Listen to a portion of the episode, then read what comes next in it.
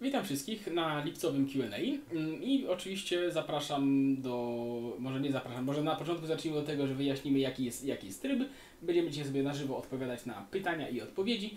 I w tradycyjnej kolejności najpierw odpowiadamy na pytania zadane przez patronów, następnie na pytania, które padły wczoraj pod y, postem informującym o tym, że będzie Q&A, a po y, około 20-30 minutach przejdziemy do pytań zadawanych na żywo z donate'ów i z superchatu. To znaczy można sobie je w międzyczasie zadawać tak czy siak, tylko przejdziemy do nich po prostu dopiero na koniec. Dzień dobry, witam, dzień dobry wszystkim, witam wszystkich, dzień dobry.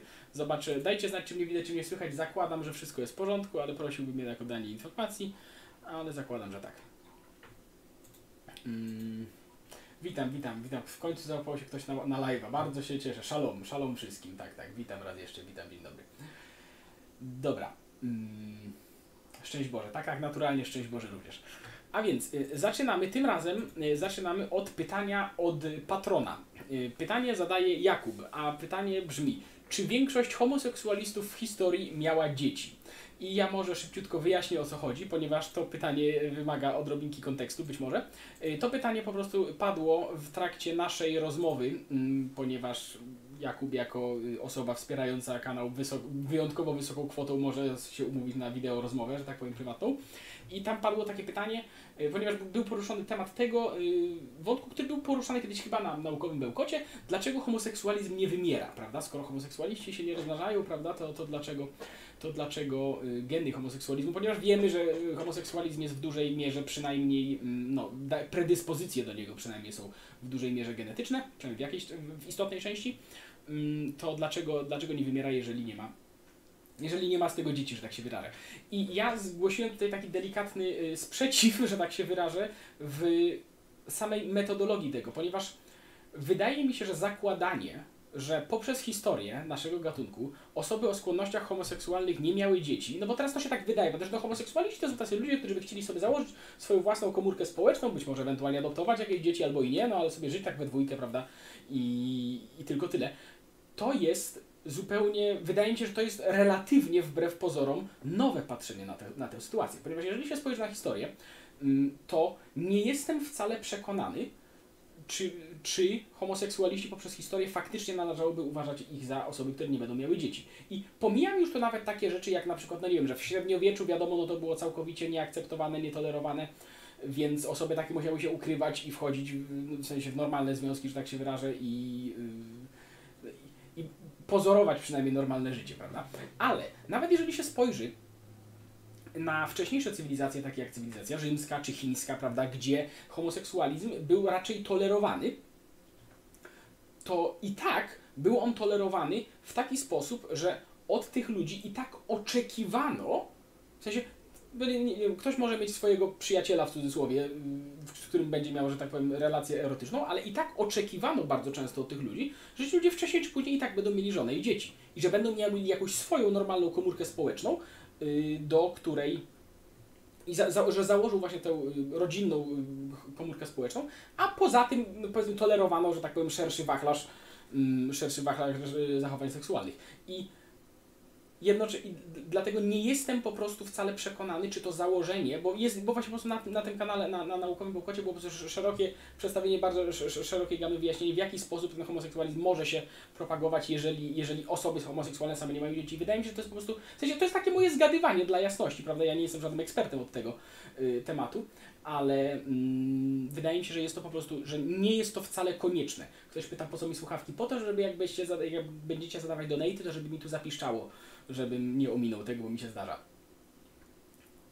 Mm, Więc y, wydaje mi się, że raczej dowody historyczne pokazują, że, że taka idea, że łączenie się dwóch homoseksualistów w pary i nie zakładanie w ogóle no, y, rodziny, rodziny z dziećmi własnymi i tak dalej, to jest relatywnie nowy wymysł. Ja nie wiem, czy to jest dobrze, czy to jest źle, to jest zupełnie osobny temat i myślę, że z całą pewnością można powiedzieć, że to wszystko jest na razie w ramach eksperymentu społecznego i jakie będą jego wyniki, to tak naprawdę dopiero zobaczymy, bo niektóre, niektórzy przesądzają w jedną stronę, niektórzy przesądzają w drugą stronę. Ja tego nie wiem.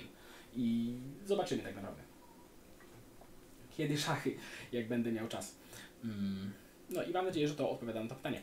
I przechodzimy w tym momencie do mm, pytań z pod posta. Tylko zobaczymy, czy jeszcze jedną rzecz muszę sobie tutaj zobaczyć. Czy to się wszyscy... Tak. I tak jak mówiłem, będziemy ym, przechodzić do pytań, które zadawaliście e, spod postem. Czy jesteś za rozdziałem państwa od kościoła? Ktoś pyta. Tak, jest cała rozmowa na ten temat na kanale. Jak się ta rozmowa nazywa? Świeckość państwa? Jakoś tak się nazywa ta rozmowa. Znajdziecie sobie, jest każdym rozmowa z, Dominika na ten, z Dominikaninem na ten temat. Ym. Cześć, czy będziesz odgrywać, ogrywać Wiedźmina na streamach? Y, Na to mogę odpowiedzieć już teraz, bo raczej nie. W sensie, wiecie co, ja bym sobie bardzo chętnie pograł w Wiedźmina, ale obawiam się, że nie będę miał na, tej, na, na, na to czasu w najbliższej przyszłości. Więc obawiam się, że raczej, raczej, raczej ciężko, ciężko z tym będzie. Chociaż wiecie co? Zobaczymy, tak? Może kiedyś. Ale na, w najbliższej przyszłości raczej nie. Dobra, lecimy. Y, I zaczynamy oczywiście od pytań najbardziej plusowanych. Y, Gen Gary Greymane. Co sądzisz o pomyśle wypowiedzenia konwencji stambulskiej? I oczywiście to pytanie absolutnie y, musiało paść. I, o, I tak, ja nie chcę komentować tej y, sprawy z perspektywy prawnej, z przyczyn mam nadzieję oczywistych. Ja nie jestem prawnikiem, absolutnie nie znam się na tym, no, nie znam się na od strony prawnej. Natomiast od innej strony, że tak powiem. Mm, Bo to nie jest taki całkiem jednowymiarowy temat, jak ludzie by koniecznie chcieli myśleć. Y, Czy konwencja stambulska zawiera no tam słuszne deklaracje i słuszne zastrzeżenia i tak dalej? Oczywiście. Jeżeli ktoś czytał tekst, ja nie czytałem, ja nie czytałem całości tekstu, zaznaczam, czytałem tylko fragmenty i ewentualnie omówienia, omówienia y, y, tego dokumentu, także też to, też to zaznaczam. Tak w ogóle, to dopiero sk- skapnąłem, że mikrofon stoi mi strasznie daleko i nie wiem, czy nie, nie za cicho mnie było słychać do tej pory, ale skoro, skoro, skoro nie zgłaszaliście sprzeciwu, to domyślam się, że nie. Więc tak, czy są w niej słuszne zapisy? Oczywiście, że tak, no bez przesady. Y, Czy są w tym, są w, czy są w konwencji stambulskiej również zapisy ideologiczne? Tak, są jak najbardziej. To znaczy samo wprowadzenie do prawa y, termin, terminu, kategorii takiej jak gender, czy tam na, na polskie to jest tłumaczone jako płeć społeczno-kulturowa, jest moim prywatnym zdaniem dość problematyczne, ponieważ tak jak być może kojarzycie z poprzednich odcinków, w ogóle tak, zacznijmy od tego, że tłumaczenie słowa gender na płeć społeczno-kulturowa to też nie jest do końca, to jest, to jest osobny temat, ale przedstawianie tego tematu jako osobny rodzaj płci, prawda, bo ten dokument, przyjmując tę nomenklaturę, przedstawia właściwie, że no tak, ludzie mają płeć biologiczną i obok jeszcze inną płeć, płeć społeczno-kulturową, że to jest jakby, jakby coś było podobnego między tymi rzeczami. Tymczasem to jest zupełnie, moim zdaniem, niepoprawne y, spojrzenie na ten temat. Ktoś pyta po raz tysięczny, kiedy rozmowa z Karolem Fijałkowskim. Jak tylko Karol Fijałkowski będzie miał ochotę ze mną porozmawiać, bo na razie chyba robi coś innego po prostu, więc szybko odpowiadam. Więc wprowadzając, mm, wprowadzając tego typu nomenklaturę do, termino, do dokumentów prawnych, przyjmujemy de facto y, podejście, że no tak, że człowiek ma, człowiek ma swoją płeć biologiczną i dodatkowo jeszcze płeć społeczno-kulturową, z czym jest pewien problem, ponieważ, od, y, ponieważ mm, nawet taka, pro, taka prosta rzecz, że płeć biologiczna to jaki ktoś jest płci biologicznej, to jest pewien fakt naukowy. To jest pewien obiektywny, weryfikowalny fakt. I ja całkowicie rozumiem, że jest masa wyjątków może, mogą być wyjątki od tego, od tego faktu, ponieważ wiadomo, że no, chromosomy nie zawsze są, że tak powiem, standardowe i że jest masa innych rzeczy, które mogą, gospodarka hormonalna może zmieniać fenotyp nawet i tak dalej, i tak dalej, i tak dalej. Jest masa na granicach tych kategorii, kategorii kobiety i mężczyzny, jest masa y, powiedzmy pewnych niejasności czy pewnych y, punktów granicznych i to oczywiście jak najbardziej, ale nie zmienia to faktu, że co do zasady płeć jest kategorią obiektywną, biologiczną, dającą się zweryfikować jednoznacznie przez naukę płeć, w cudzysłowie, płeć społeczno-kulturowa czymś takim nie jest. Jest ona kwestią z definicji subiektywną, odwołującą się do tożsamości, do performatywności i tego typu rzeczy. Wpisywanie do prawa kategorii subiektywnych jest z zasady skazane na nadużycia. I jeżeli ktoś chce szersze omówienie tego, te, tego tematu, to odwołuję, odsyłam do moich filmów na temat y, y, obrazy uczuć religijnych, bo tak samo wpisywanie obrazy uczuć do prawa, co my na przykład teraz mamy, mamy obrazy, ochronę obrazy uczuć religijnych w prawie. I to musi prowadzić do nadużyć, ponieważ jest to kwestia subiektywna, której nie da się obiektywnie zweryfikować. Tak samo jak nie da się obiektywnie zweryfikować, jak kogoś coś zabolało, w sensie mam na myśli uczuciowo, tak, bo powiedzmy, bo, bo jest to kwestia zupełnie subiektywna i to, czy kogoś coś, y, czy, czy kogoś y, coś uraziło, czy nie, to jest kwestia zupełnie subiektywna i nie da się tego y, w żaden obiektywny sposób sprawdzić. No tak samo do, ta, to, ta, to samo zastrzeżenie tyczy się wszelkich kwestii związanych z tożsamością i z y, właśnie performatywnym odgrywaniem pewnych, pewnych norm i tak dalej, i tak dalej. I dla jasności, mówiąc to wszystko, ja, ja absolutnie nie podważam tego, że że, istnieje, że istnieją różne normy kulturowe, yy, które, na, które powiedzmy tradycja, cywilizacja, kultura narzuca nawet, można powiedzieć, czas na kobiety i na mężczyzn. Na mężczyzn. I ja nie mam problemu, że ktoś to bada, ale traktowanie tego, traktowanie tożsamości płciowej, czy tam czy właśnie płci kulturowo-społecznej, jako, kole, jeden z, yy, jako jeden z jako jeden z czynników, na których powinno opierać się prawo, jest zjawiskiem tak samo patologicznym jak ochrona uczuć religijnych i absolutnie nie powinno mieć to miejsca. Więc to jest problem w konwencji stambulskiej, który ja osobiście widzę. Kolejna kwestia jest taka na przykład to, że w konwencji stambulskiej mamy coś takiego jak y, wezwanie, deklaracje i tak dalej, stworzenia no, nowego gremium, y, które będzie y, się zajmowało, które będzie się zajmowało, mm, jak to się mówi, wcielaniem w życie w tego wszystkiego. I na przykład jest to gremium zadeklarowane, że ono musi powstać, ma składać się z iluś tam osób i ono musi powstać z zachowaniem proporcji właśnie tych płci społeczno-kulturowych. I jeżeli komuś się wydaje, że to jest dobry pomysł, bo okej, okay, są osoby, którym się wydaje, że, że właśnie, że stworzenie, no już nawet pominimy resztę, że tak powiem, tożsamości i tak dalej, że w takim że w takim y, gremium powinno być porówno kobiet i mężczyzn, ponieważ to ma być, ponieważ to jest y, tematyka dotycząca płciowości i tak dalej, więc powinno być porówno kobiet i mężczyzn w tym gronie.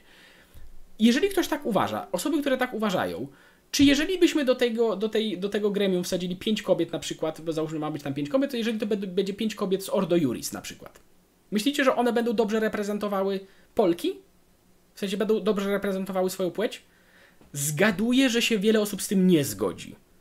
Więc jeżeli tak, może jeżeli ktoś będzie wam kiedyś coś takiego sugerował, zakładam, że to jest raczej osoba progresywna, to proszę w sensie jakaś powiedzmy, jeżeli ktoś uważa, że interesy kobiet, jakaś osoba progresywna będzie y, uważała, że interesy kobiet w jakiejkolwiek komisji powinna reprezentować kobieta, to, za, to zapytajcie ją, czy wolałyby, żeby to była kobieta pracująca w Ordo Juris, czy facet z partii Razem, na przykład. Dla, dla przykładu, tak? No bo zakładam, że jednak większość osób, które proponują tego typu rozwiązania, wolałyby, żeby, żeby, żeby była tam raczej różnorodność światopoglądów, a nie płci. Bo tego typu zapis, ponownie, tego typu zapis, że w danym gremium musi być połowa kobiet i mężczyzn, normalizuje, i nawet nie tyle normalizuje, tylko formalizuje w prawie yy, zapis, że no, że, że, że, kobiety i mężczyzny są w jakiś sposób klasami społecznymi, które muszą mieć y, reprezentację których reprezentacja polega na posiadaniu tych samych genitaliów, co osoba, którą chce, chce się reprezentować. Co jest, no przepraszam, ale absolutnie abstrakcyjnym pomysłem. Ja chcę, żeby mnie w rządzie reprezentowały osoby, które przynajmniej mniej więcej mają poglądy takie jak ja, a nie w sensie, co mnie obchodzi, co te osoby mają między nogami. I jeżeli powołujemy dowolną komisję, która ma badać, czy tam tworzyć prawo, czy cokolwiek, nad czymkolwiek się pochylać, to powinny nas interesować kompetencje tych osób, a zakładanie, że zakładanie, że kompetencje tych osób y, są ściśle powiązane z ich płcią, no to jest zasadniczo stwierdzenie, że kobiety i mężczyzny myślą w fundamentalnie inny sposób. A wydaje mi się, że to było takie dość, w sensie, że, wydaje mi się, że nie tak dawno jeszcze to było zwalczane jako seksizm, taka postawa że zakładanie, że nie, kobiety myślą inaczej niż mężczyźni, zupełnie inaczej, że nie ma, że nie ma, że nie ma powiązania między, między jednym a drugim. W sensie, że jeżeli komuś się nie podoba, jak myślą jakieś kobiety, to może sobie założyć, że myślenie kobiecego nie chce w danej firmie, więc, więc niech, niech, niech ich tu nie będzie. Wydaje mi się, że nie powinniśmy wracać do tego typu rozwiązań i dlatego to są wszystkie moje problemy z konwencją stambulską. I mówię to raz jeszcze, przy, to nie jest tak, że tam nie ma dobrych zapisów, tylko omówiłem tutaj teraz te, które, które mi się między innymi nie podobają. Y, w międzyczasie jak najbardziej y, dostrzegam, że jak najbardziej dostrzegam, że pojawiła się, pojawiło się całkiem sporo pytań na, z donatów i tak jak mówiłem, najpierw omawiamy pytania z podposta i oczywiście wszystkie pytania z donatów, które zostały zadane, jak najbardziej będą poruszone, tylko, w, tylko za chwilkę. A zatem y, Kamil pyta, co sądzisz o separatyzmie rasowym i ogólnie o alt-right? No, to może najpierw wyjaśnijmy, co to jest separatyzm rasowy i alt-right. Alt-right to jest, no ciężko tak naprawdę jedną definicję, ale to są amerykańscy, y, biali nacjonaliści, oni sami używają tego określenia. Y, y, to są ludzie, to są generalnie, to jest, to jest taka grupka radykalnych, można powiedzieć. Yy, tak, myślę, że mogę, mogę nazwać tych ludzi radykałami całkowicie. Yy, właśnie białych nacjonalistów, którzy odrzucają, którzy stawiają się w opozycji ogólnie do zastanego systemu politycznego w USA i postulują właśnie rezygnację z liberalnej demokracji, rezygnację właśnie z, no właśnie z takiego, z amerykańskiego państwa liberalnego. Właśnie, bo zacznijmy od tego, że alt-right, pomimo tego, iż niektórzy próbują to na siłę używać gdzie indziej, raczej, raczej to jest kwestia, no to jest y, charakterystyka amerykańskiej sceny politycznej i on, oni starają się odrzucić właśnie taki liberalizm amerykański, w sensie zarówno demokratów, jak i republikanów, na rzecz, y, myślę, na, na rzecz etnocentryzmu de facto, tak? To są etnonacjonaliści.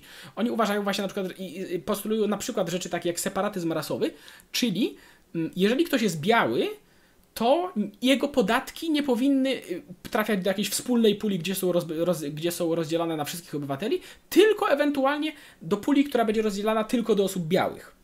Ponownie, w sensie, no to jest takie no, kojarzenie, że tak powiem, tworzenie, tworzenie yy, klas społecznych ze względu na właśnie nawet, nawet, nawet niekoniecznie pokrewieństwo, no bo pewnie sobie wyobrażacie się, że tak w praktyce to dana osoba może być, w sensie dana biała osoba może być bardziej spokrewniona z jakąś czarną osobą niż z jakimś losowym białym typem, który ma zupełnie inne korzenie, prawda? Więc no, nawet, nawet nie, po, nie, po, nie po pokrewieństwie, tylko po fenotypie, tak? No i to jest i, I, generalnie ci ludzie w, w, dużej mierze dążą do stworzenia etnostanu. Tak, to znaczy do, do, do, do, do, do, do w, w ogrom, ponownie, to jest ogromny skrót do tego, żeby grupki etniczne trzymały się samodzielnie i osobnie. Osobno. W międzyczasie ktoś. A, nie, to, to za chwilkę to opowiem. Yy, więc co ja o tym myślę? No to jest generalnie sprzeczne z absolutnie, wiesz, podstawami, że tak powiem, to jest, to jest sprzeczne ze wszystkimi podstaw, podstawami y, liberalnej demokracji i państwa prawa. Tak? No bo mamy kategoryzowanie, y, kate, mamy kategoryzowanie y, obywateli ze względu na no tak naprawdę na klasy. I to, że to są akurat klasy etniczne, to w sensie jest tak samo, gdyby to były inne klasy, no to byłoby tak samo patologicznie. Wyobraźcie sobie, że ktoś by postulował, że podatki ludzi bogatych idą tylko na ludzi bogatych, a podatki ludzi biednych idą tylko na ludzi biednych w sensie tu miałbym dokładnie ten sam problem. To znaczy, to jest po prostu, to jest, to jest próba podważenia generalnie całkiem tych, moim zdaniem, mimo wszystko całkiem spoko pomysłów, które mieliśmy przez ostatnie 200 lat. I to nie jest tak, że przez ostatnie 200 lat mieliśmy same dobre pomysły, mieliśmy też masę ich złych, ale generalnie y, re, rezygnacja z równości, obywa, z równości obywateli wobec prawa wydaje mi się bardzo złym pomysłem. Nie, i wydaje mi się, że mamy dość sporo przykładów y, w historii poprzez mamy dość sporo przykładów w historii, gdzie to skończyło się bardzo, bardzo, bardzo, bardzo źle. Więc nie. Y, separatyzm rasowy i alt-right nie jest dobrym pomysłem, przykro mi. W sensie ja rozumiem, że dla, dla nas, dla ludzi w Polsce to jest takie egzotyczne czasem, ale i, i tak, bo, bo oczywiście to nie jest tak, że to nie jest tak, że jak są to nie jest tak, bo zaraz ktoś mi wyciągnie, że a osoba, ta osoba z alt-right zwróciła uwagę na istotny problem. No okej, okay, no w sensie to jest możliwe, tak? No w sensie ludzie, którzy mają jakieś błędne, błędne ideologie, to nie znaczy, że nie potrafią zwrócić uwagi na właściwy problem, tak? Ale y, jeżeli kogoś, że tak powiem, złapie czasem taka, no że a, ci goście zwrócili uwagę na istotny problem, no dobra, poczytaj o nich więcej, zanim się, zanim, zanim uznasz ich za, za sensowną grupkę, bo no generalnie nie, nie polecam. I też mówiąc to wszystko na uwadze, należy wziąć pod uwagę też to, że należy wziąć też pod uwagę to, że to jest bardzo, to nie jest jednolita grupa, oni nie mają scentralizowanego i hierarchii, prawda, i tak dalej, to są raczej takie rozproszeni, to są rozproszeni ludzie działający głównie w internecie, ale były przypadki też w ostatniej historii USA, że ci ludzie się, że ci ludzie się gdzieś grupowali i dochodziło nawet do jakiejś przemocy, prawda, więc, yy, więc ale, ale dla jasności zna, zdaję sobie sprawę, że to nie jest jednoznacznie skategoryzowana grupa i też należy w tym temacie zwrócić uwagę na to, że yy, również w Polsce się spotkałem z tym, jak alt-right miałby zastąpić troszkę słowo faszyzm, bo prawdopodobnie pamiętacie, że do niedawna wszyscy, którzy nie byli radykalną lewicą, byli faszystami, prawda? W sensie no, ze, ze strony le, radykalnej lewicy były takie tendencje, żeby nazywać wszystkich, którzy nie są radykalną lewicą faszystami. To oczywiście nie ma żadnego sensu, w sensie ani użytkowego, ani tym bardziej nie jest zgodne z prawdą i, oczywiście, w niektórych przypadkach się y, narzuca w tym momencie w niektórych przypadkach się zjawiają, zdarzają takie, takie próby y, zastąpienia tego po prostu alt-rightem, że jeżeli nie jesteś radykalną lewicą, to jesteś alt-rightem. No tylko, że ponownie to nie, ma, to nie ma żadnego sensu, tak? W sensie ponownie kategoryzowanie całej grupy, w sensie wszystkich, którzy nie są radykalnymi progresywistami, jako właśnie jakiś alt-right, pomimo iż... W sensie, pisałem o tym, możecie sobie przeczytać o tym w moim artykule na klubie jagiellońskim na temat Jordana Petersona, ponieważ yy, tam jest, tam jest on, tam jest to moim zdaniem po prostu dobrze, dobrze omówione, dlaczego kategoryzowanie w ten sposób jest całkowicie, yy, całkowicie bezużyteczne chyba że ktoś chce mieć po prostu narrację ideologiczną, dzięki czemu będzie mógł siebie czuć jako obrońcę światłego postępu kontra całej reszty, kontrareakcyjna większość, prawda, i tak dalej, i tak dalej. Więc, yy, więc no więc w sensie to jest, w sensie to, więc to że, to, że pewna część ludzi, nawet w Polsce się z tym spotkałem, wyzywa wszystkich na lewo i prawo od alt-rightu, no to nie, niech te osoby zobaczą, co to autentycznie alt-right jest i czym oni, czy, co oni reprezentują i się zastanówcie, czy ci ludzie mają cokolwiek wspólnego z jakimiś, nie wiem, republikanami, liberałami, czy, czy nawet, wiesz, konserwatystami normalnymi, prawda? To w sensie, no nie, zachęcam do, do, do, do zgłębienia tego tematu osobiście, niż, a nie popadania w takie kategoryzacje. Ktoś tu jeszcze w międzyczasie zadał pytanie, czy. Y, archiwistyka UMK zadała pytanie, czy omówiłbym trylogię Dark Souls, tak jak Wiedźmina. Mm, no w sensie, y, gdybym ją przeczytał, to być może bym omówił, albo nie, nie wiem co to są Dark Soulsy, czy to jest gra, czy to jest książka. Chyba gra, tak? Tak, to jest seria gier, więc gdybym w nie grał, to mógłbym je omówić, ale niestety w nie nie grałem i tak jak mówiłem, w najbliższej przyszłości nie zapowiada się, abym miał jakikolwiek czas na granie w gry, więc yy, nie wykluczam, ale na razie bym się na to nie nastawiał. Zawo pyta, co sądzisz o pomyśle podziału terytoriów według idei, a nie dotychczas, dotychczas według narodowości? Czy jest to w ogóle możliwe, żeby powstały oddzielne państwa socjalistyczne dla tych którzy socjalizm popierają i państwa kapitalistyczne dla tych, którzy popierają socjalizm. Problem z państwem socjalistycznym jest taki, że państwo socjalistyczne za każdym jednym razem musi siłą zatrzymywać obywateli wewnątrz swoich granic, bo wszyscy spieprzają. Wszyscy produktywni ludzie. Więc y, no byłby z tym pewien problem, prawda? Natomiast y, podziału terytoriów. No w sensie, wiecie co, no, nawet w Polsce teoretycznie do pewnego stopnia ludzie mogą sobie przecież przepływać, tak? W sensie, no i w sensie ten podział do pewnego stopnia istnieje, natomiast w sensie nie narzucałbym tego absolutnie odgórnie, bo nie wiem, jakbyśmy to mieli egzekwować. To, że wierzysz w to, to państwo cię przesiedli? W sensie, w sensie co, co dokładnie ma to. W sensie, jeżeli chciałbyś mieszkać w najbardziej postępowym miejscu w Polsce, to się możesz przeprowadzić do Warszawy, prawda?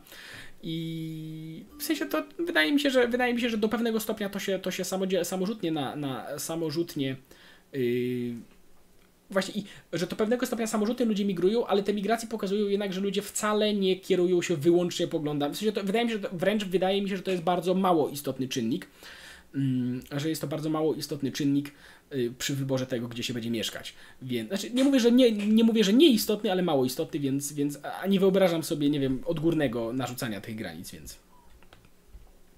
Kromite. Hmm. Arkan Czarny pyta. Nie, przepraszam, najpierw 2 na 10 pyta.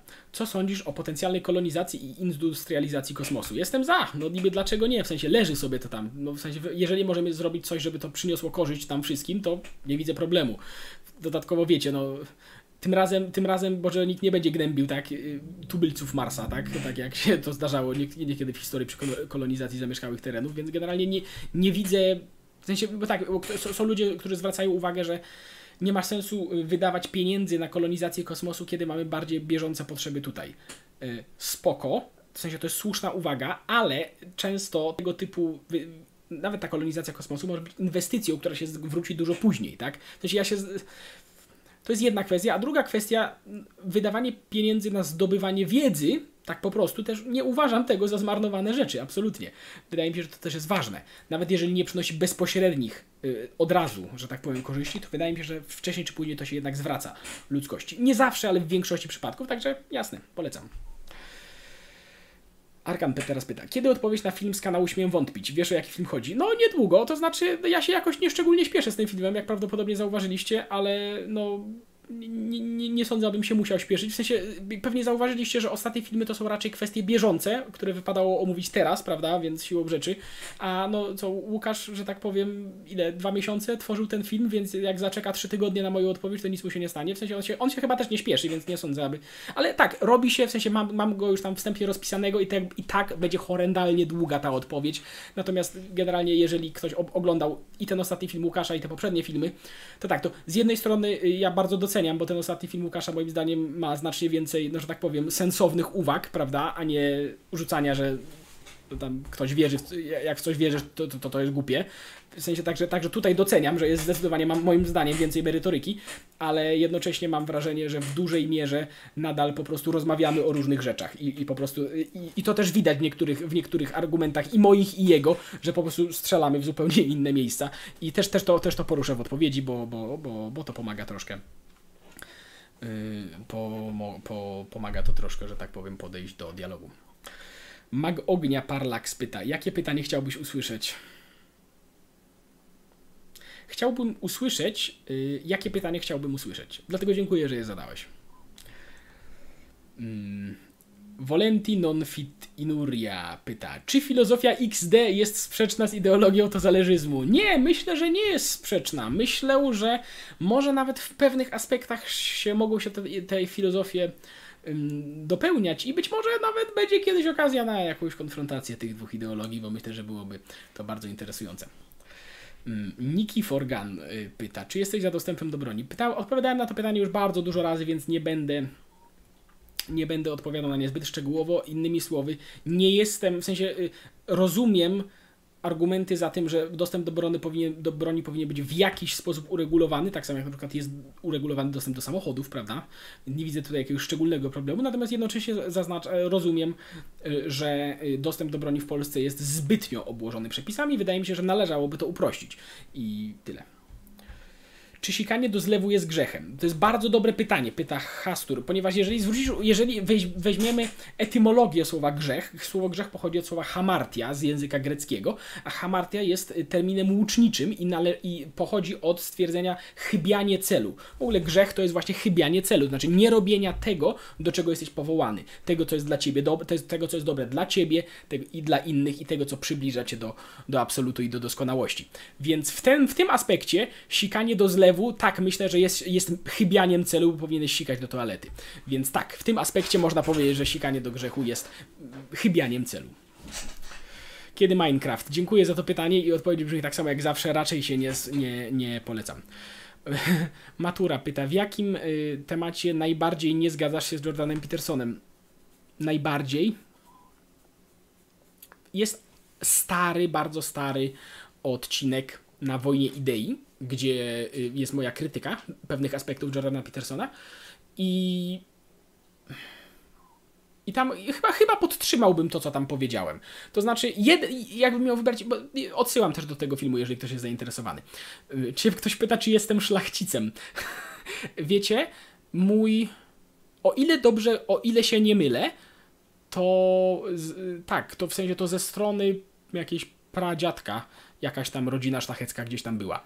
Yy, aczkolwiek o ile dobrze pamiętam, to któryś z tych szlachciców gdzieś tam przed którąś tam jeszcze wojną yy, po prostu przechlał cały, prze, przepił cały majątek i, stał się bankrutem i, i tyle było szlach, szlachcicowania. Więc, ale gdzieś tam jakieś podobno mam korzenie. Yy. Więc kontynuując pytanie y, co do Jordana Petersona, więc myślę, że podtrzymałbym moją, moje, moje poglądy z tamtego filmu. I jako jedną z takich głównych rzeczy jest to, że on niepotrzebnie wprowadza swoje definicje pewnych słów, i niepotrzebnie na przykład antagonizuje go to z niektórymi ateistami, tak? W sensie na przykład takie stwierdzenie jak, że yy, takie stwierdzenia jak, w sensie mówienie na przykład ateistom, że ty też jesteś człowiekiem religijnym. Ja wiem, co Jordan Peterson ma na myśli, ponieważ on w sensie ma, ma na myśli, że ty i tak post, i tak, w sensie nawet jeżeli jesteś człowiekiem niewierzącym, to i tak postępujesz wedle, według jakiejś hierarchii wartości, która jest oparta na aksjomatach, które nie są racjonalne, bo aksjomaty z definicji nie są racjonalne i nawet można by powiedzieć, że ta hierarchia wartości prawie na pewno w, w naszym wypadku jest oparta o chrześcijańską etykę i chrześcijańskie dziedzictwo yy, cywilizacji łacińskiej. W sensie ale powiedzenie tego w sposób do osoby niewierzącej, ty jesteś osobą religijną, jest bez sensu, bo po pierwsze ta osoba tego nie rozumie, po drugie niepotrzebnie nastraja tą osobę to negatywnie, bo wiele osób, w sensie, nie, no chyba wiemy dlaczego, tak? Wiele osób jest negatywnie nastawiona do samej tej nomenklatury i tak dalej, i tak dalej. Więc, yy, więc w sensie wydaje mi się, że ta, to redefiniowanie słów przez Petersona utrudnia jego przekaz. I chyba, że on, chyba, że on naprawdę tak uważa. I, i generalnie w wielu tych, w wielu tych, że tak powiem, kwestiach y, w kwestiach tych jego dyskusjach z ateistami i tak dalej, i tak dalej, wydaje mi się, że po prostu szedł w zupełnie niewłaściwe rejony i tylko to utrudniało ten dialog niepotrzebnie. I, i to jest taka jedna z rzeczy. W sensie, nie wiem, czy to jest na, największa rzecz, z którą się z nim nie zgadzam, odsyłam do tamtego odcinka po prostu. Ktoś tu się zapytał, y, kiedy Valorant. Zakładam, że Valorant to jest jakaś gra ponownie i odpowiedź będzie y, taka sama jak ostatnio. Tak. A, to jest strzelanka od Riot Games. Uuu. No niestety nadal. Obawiam się, że nie będę miał czasu. W najbliższej przyszłości, podkreślam to raz jeszcze. Może się to za jakiś czas nie tak bardzo długi y, zmienić. Archiwistyka UMK. Który gość najbardziej wpłynął na twój kanał i jego lore i dlaczego był to towarzysz Michał? Bezdyskusyjnie był to towarzysz Michał. Mm, dlaczego? Znaczy, dlaczego, który, no tak, no ewidentnie towarzysz Michał, no towarzysz Michał, ja nie wiem, czy towarzysz Michał sobie zdaje sprawę, jak bardzo pomógł mi w promocji tego kanału i chciałbym przypomnieć, że jego występ na tym kanale był y, zainicjowany przez niego samego. W sensie on sam się zgłosił do rozmowy i ja bardzo oczywiście chętnie podjąłem rozmowę, więc, więc wiecie co, nawet, a to, to, to potem wam powiem już, bo to jest osobny temat, ale, ale tak, tak, ewidentnie towarzysz Michał jest już elementem folkloru, można powiedzieć, naszego. I, no i bardzo dobrze, w sensie, no, mam nadzieję, że nikt tam nie, nie życzy mu źle ani niczego takiego. Jak, ja, cytując, y, cytując no, taką rozporządzenie Sejmu drugiej RP z lat 20., że nie wolno wygrażać posłom komunistycznej partii polskiej, bo nawet komunista jest też trochę człowiekiem. To jest żart, żeby ktoś sobie zaraz nie, nie wziął tego do siebie. Mm, old, hat, old Hate Man. Mm, czy uważasz, że kiedykolwiek jest szansa na to, aby ludzkość zjednoczyła się w pełni jako jedna nacja? Nacja jest tu chyba nieodpowiednim słowem. W sensie musielibyśmy się zjednoczyć wokół jakiejś idei, bo czy nam się to podoba, czy nie, jeżeli jesteśmy trochę różni, prawda? Nie wykluczam. Być może, znaczy, wiesz co, w takim sensie eschatologicznym, to na końcu świata mam nadzieję, że tak. W sensie, że wszyscy, którzy nie odrzucą zaproszenia, się zjednoczą pod jedną absolutną wartością. Zobaczymy. Czy uprawiasz, uprawiałeś jakieś sporty? Nie zadawalibyście tego pytania, gdybyście mnie widzieli od, no, że tak powiem, resztę, reszt, resztę mnie. Nie, raczej, raczej nie. W sensie staram się troszkę ćwiczyć, ale mam siedzącą pracę, więc jest to, no, nie, nigdy, nigdy nie, w sensie regularnie nigdy nie uprawiałem sportu żadnego, to znaczy mówię, no staram się ćwiczyć tyle, co się da, ale, ale nie, nie nazwałbym tego uprawianiem sportu. Dobra, jest pół godziny, narobiło się ogromnie na ilość y, pytań z donate'ów i będziemy od nie, na nie po, y, odpowiadać po kolei i, i lecimy. Jak mam herbatę, to jakąś? Gdzie my tu mamy to? Czy czytałeś kiedyś postmodernistów? Jaka jest Twoja opinia na ich temat? Mm, czytałem raczej pewne, powiedzmy, mało, tak? Mało, mało ich czytałem. Więcej czytałem opracowań na ich temat, również w sensie opracowań takich, no, w sensie to nie tak, że opracowań Jordana Petersona, bo też Jordan Peterson nie jest najlepszym y, źródłem wiedzy na temat postmodernizmu, nie? W sensie to, że on tam zwraca uwagę na pewne problemy, to nie znaczy, że generalnie rozumie w pełni o co tym ludziom chodzi. Także nie, nie, nie mówię o jego opracowaniach, ale starałem się czytać jakieś opracowania y, na ten temat i y, tak. Postmodernizm odnosił się do, odnosił się do słusznych problemów w modernizmie, ponieważ modernizm y, ze stwierdzeniem, że, że możemy mieć absolutną perspektywę, tak? W sensie z, z, z próbą redukowania absolutnie wszystkiego do jakiegoś fizykalizmu i, i próba, i, i, w sensie z zakładaniem, że wszystko da się wyjaśnić, tak? I że, i że jesteśmy, i że zawsze jest, i że jeżeli, na przykład z za, założeniem, że w sensie jeżeli, jeżeli postmodernizm zakłada, że na przykład, że nauka potrafi nie być obiektywna, na przykład coś, nawet coś takiego, no, w sensie, no jasne, to jest słuszny zarzut, potrafi być. Natomiast w sensie zarzuty do modernizmu, wiele zarzutów, które postmodernizm wystosował do modernizmu, było słuszne, tylko że odpowiedzi, jakie postmodernizm wystosował, są, myślę, że mogę powiedzieć, patologiczne. Przynajmniej w, w takim rozumieniu, do jakiego się to rozwinęło współcześnie. Bo ja zaraz ktoś mi wyciągnie jakiegoś postmodernistę, który nie przesadzał. Okej, okay, może, no w sensie nie znam na pewno wszystkich. Ale, ale y, stwierdzenia takie, że no generalnie wszystkie, że, że generalnie całość naszego, naszy, naszych systemów to jest jeden wielki konstrukt kulturowy, to, to, nie jest, to nie jest prawda po prostu. W sensie w momencie, kiedy. nawet na przykład rzecz takiego jak nauka, tak?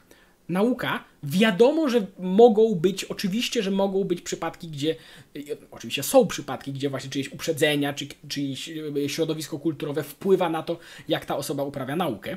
Tak, ale to nie zmienia faktu, że na przykład nauka jest taką dziedziną, która jest, jest tak zaprojektowana, żeby być jak najbardziej obiektywna. I to nie znaczy, że zawsze jest, oczywiście, że nie zawsze jest, ale kasowanie tego, to co się, bo wiele tych rzeczy, które się w tym momencie dzieje na Zachodzie, y, stwierdzeń takich, nie wiem, że matematyka to jest konstrukt białych kolonialistów, prawda, i tak dalej, to są właśnie ideowe dzieci postmodernizmu, które, które patrzą na, na, na świat przez pryzmat właśnie konstruktów kulturowych i relacji grup władzy. I całkowicie się, nie, nie jestem fanem, tak? Wydaje mi się, że praktyczna realizacja, praktyczna realizacja y, tego, typu, y, tego typu idei po prostu prowadzi do chorych patologii. Powiedzcie mi, czy nie szumi wam za bardzo, bo włączyłem właśnie przed sekundą wiatrak i mam nadzieję, że wam to nie szumi, ale trochę się to gotuje już. Czy imperator wiedział o wielkiej czystce Jedi? Nie ma dowodów. Nie, myślę, że wiedział.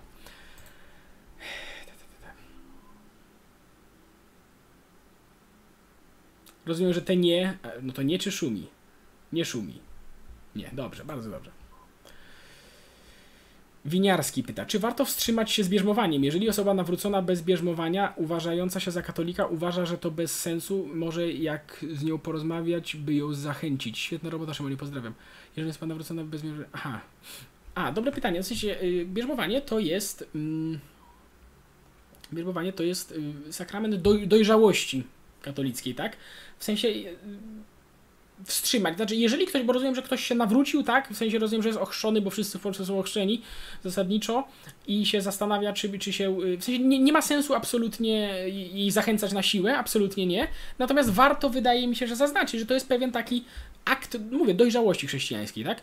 I w sensie nie trzeba tego robić od razu ani niczego takiego, ale jeżeli ktoś podchodzi do tego na poważnie, no to wydaje mi się, że, że nie, nie, widzę dlaczego nie, tak? Nie widzę dlaczego nie, mieli, nie, nie, nie miano by iść tą, yy, tym, ty, ty, na, nawet symbolicznie. Jeżeli ktoś jest nawrócony, to być może nawet to jest dobra okazja, żeby to, no właśnie, zaświętować, tak? Pokazać, zamanifestować tą swoją zmianę. Ale, ale absolutnie, w sensie to nie znaczy, że koniecznie, to nie, to nie znaczy, że ktoś to musi koniecznie, już absolutnie z, yy, naciskanie na taką osobę, czy zachęcanie jej na siłę na, będzie miało dokładnie odwrotny skutek od zamierzonego, więc, więc nie. więc na tym aspekcie nie. Y, czołem Szymonie, Awers pyta, co sądzisz o przymusowym leczeniu? Jakim leczeniu przymusowym? No to zależy, tak? W sensie generalnie dorosłych ludzi nie powinno się zmuszać do leczenia, tak? Y, no bo jeżeli. No z dziećmi to jest troszkę bardziej skomplikowane, wiadomo, tak? Ale jeżeli ktoś się nie chce leczyć, to nie wiem, dlaczego mielibyśmy go zmusić do tego. I ponownie, i zaraz będzie oczywiście pytanie, co ze szczepionkami, prawda, i tak dalej, i tak dalej, i tak dalej. I tak, mówię, to też nie będę wchodził w ten, w ten temat, y, w ten temat nie będę wchodził w ten temat, y, że tak powiem, szczególnie głęboko, ale co do zasady nie jestem fanem przymusowego leczenia, natomiast jednocześnie zdaję sobie sprawę, że no w sensie, ale to nie znaczy, że jestem przeciwny, przeciwnikiem wszelkiego przymusu, y, no, wszelkiego przymusu państwowego czy coś takiego, ponieważ no, libertarianie wam zwrócą uwagę, że państwo bez przymusu nie może istnieć i to jest prawda, tylko że w sensie rozwiązaniem tego problemu nie jest brak państwa, bo to będzie miało masę swoich własnych innych problemów. Więc, yy, więc no, więc, więc co? W sensie może inaczej, jeżeli ktoś chce samemu sobie zrobić krzywdę, czy tam nie pomagać samemu sobie, to nie widzę, dla którego, nie widzę powodu, dla którego państwo miałoby go do tego zmuszać. Natomiast jeżeli ta osoba na przykład, no wiesz, no załóżmy, że ta osoba jest, yy, załóżmy, że ta osoba jest chora na coś i roznosi tę chorobę, prawda, na innych ludzi, no to w tym momencie ograniczenie tego to jest ochrona tamtych osób, prawda, a nie naciskanie na tę osobę. Ktoś tu pyta, co sądzisz o ryzyku i mediach katolickich, to jest, no, odpowiem na to później, bo do, dopiero w kolejce jest, że tak powiem, ale mam raczej niskie mniemanie, bardzo niskie, więc, więc no. Yy, dobra.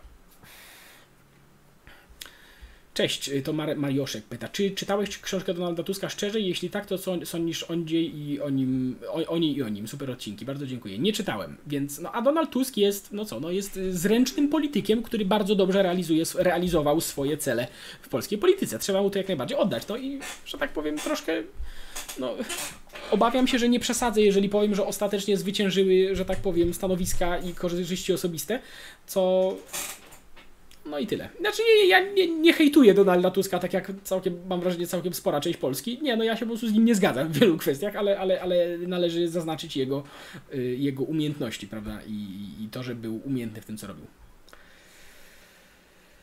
Pokémon Trainer. Czy ty też jako katolik masz problem z. Czekaj, bo mi coś tu uciekło. Czy ty też jako katolik masz problem z rozróżnieniem grzechu ciężkiego od lekkiego powszedniego? Mam wrażenie, że definicja tych grzechów w katechizmie są niejasne i mogą dezorientować. Yy, tak, yy, są niejasne i mogą dezorientować, ale wiecie dlaczego? Ponieważ yy, to jest tylko taka wytyczna, tak mi się wydaje, być może ktoś mnie poprawi w komentarzach, ale wydaje mi się, że jest, że w sensie wszelka próba prawa moralnego, prawda, jest tylko raczej takim rodzajem luźnej wytycznej, ponieważ ostatecznie wszystko sprowadza się do indywidualnego przypadku. I to, czy coś jest grzechem ciężkim, czy nie, też tak naprawdę ostatecznie sprowadza się do Twojego konkretnego przypadku, ponieważ w katolicyzmie masz indywidualną relację z Bogiem, a nie kolektywną, ani nie za pośrednictwem prawa, ani nic takiego, nic takiego. Więc, y, więc tak, w sensie tak, te, y, te są niejasne, ale wydaje mi się, że musi tak być. I no i odkrywanie tego niekoniecznie jest proste, ale wydaje mi się też, że no wbrew, w sensie nie da się tego na sztywno ustalić. Bardzo dobrze, bo gdyby, no, gdyby był kodeks, prawda, to ten kodeks miałby pełno dziur i by się, byłaby masa, byłaby masa y, rzeczy, gdzie nie wiadomo było jakby jak to zastosować. I w tym momencie w sensie zostawienie pewnej dowolności w interpretacji tutaj jest, w sensie, no, kanon nie może być zbyt sztywny, bo przestaje być użyteczny, zwłaszcza w takich kwestiach. Więc, więc tak, zgadzam się, ale wydaje mi się, że to niekoniecznie jest problem. W sensie, w sensie, w sensie gdyby to było sztywno zdefiniowane, to byłoby jeszcze gorzej, tak? Bo tutaj w tym momencie jest, powiedzmy, więcej niejasności. Okej, okay, no to jest prawda, ale wydaje mi się, że mimo wszystko ty sam w własnym życiu, mimo wszystko, w sensie, o ile się na, naprawdę starasz yy, kierować tą nauką, to wydaje mi się, że masz najlepsze narzędzia do oceny yy, własnej, yy, własnego postępowania i tego, co jest. I wiesz, nie w oderwaniu od, od, od, od, od religii, prawda, bo to nie o to chodzi, prawda, tylko z uwzględnieniem jej, o, to mam na myśli. Schabowy czy mielone? Zastanów się dobrze, każdy wybór ma swoje konsekwencje. Schabowy raczej, raczej schabowy. Domino Jachaś. Czy będzie kiedyś podcast z Wojciechem Cejrowskim na temat religii? Myślę, że to byłaby najbardziej interesująca rozmawia, rozmowa. Też myślę, że byłaby interesująca, bo się fundamentalnie nie zgadzam z fundamentalistą Wojciechem Cejrowskim.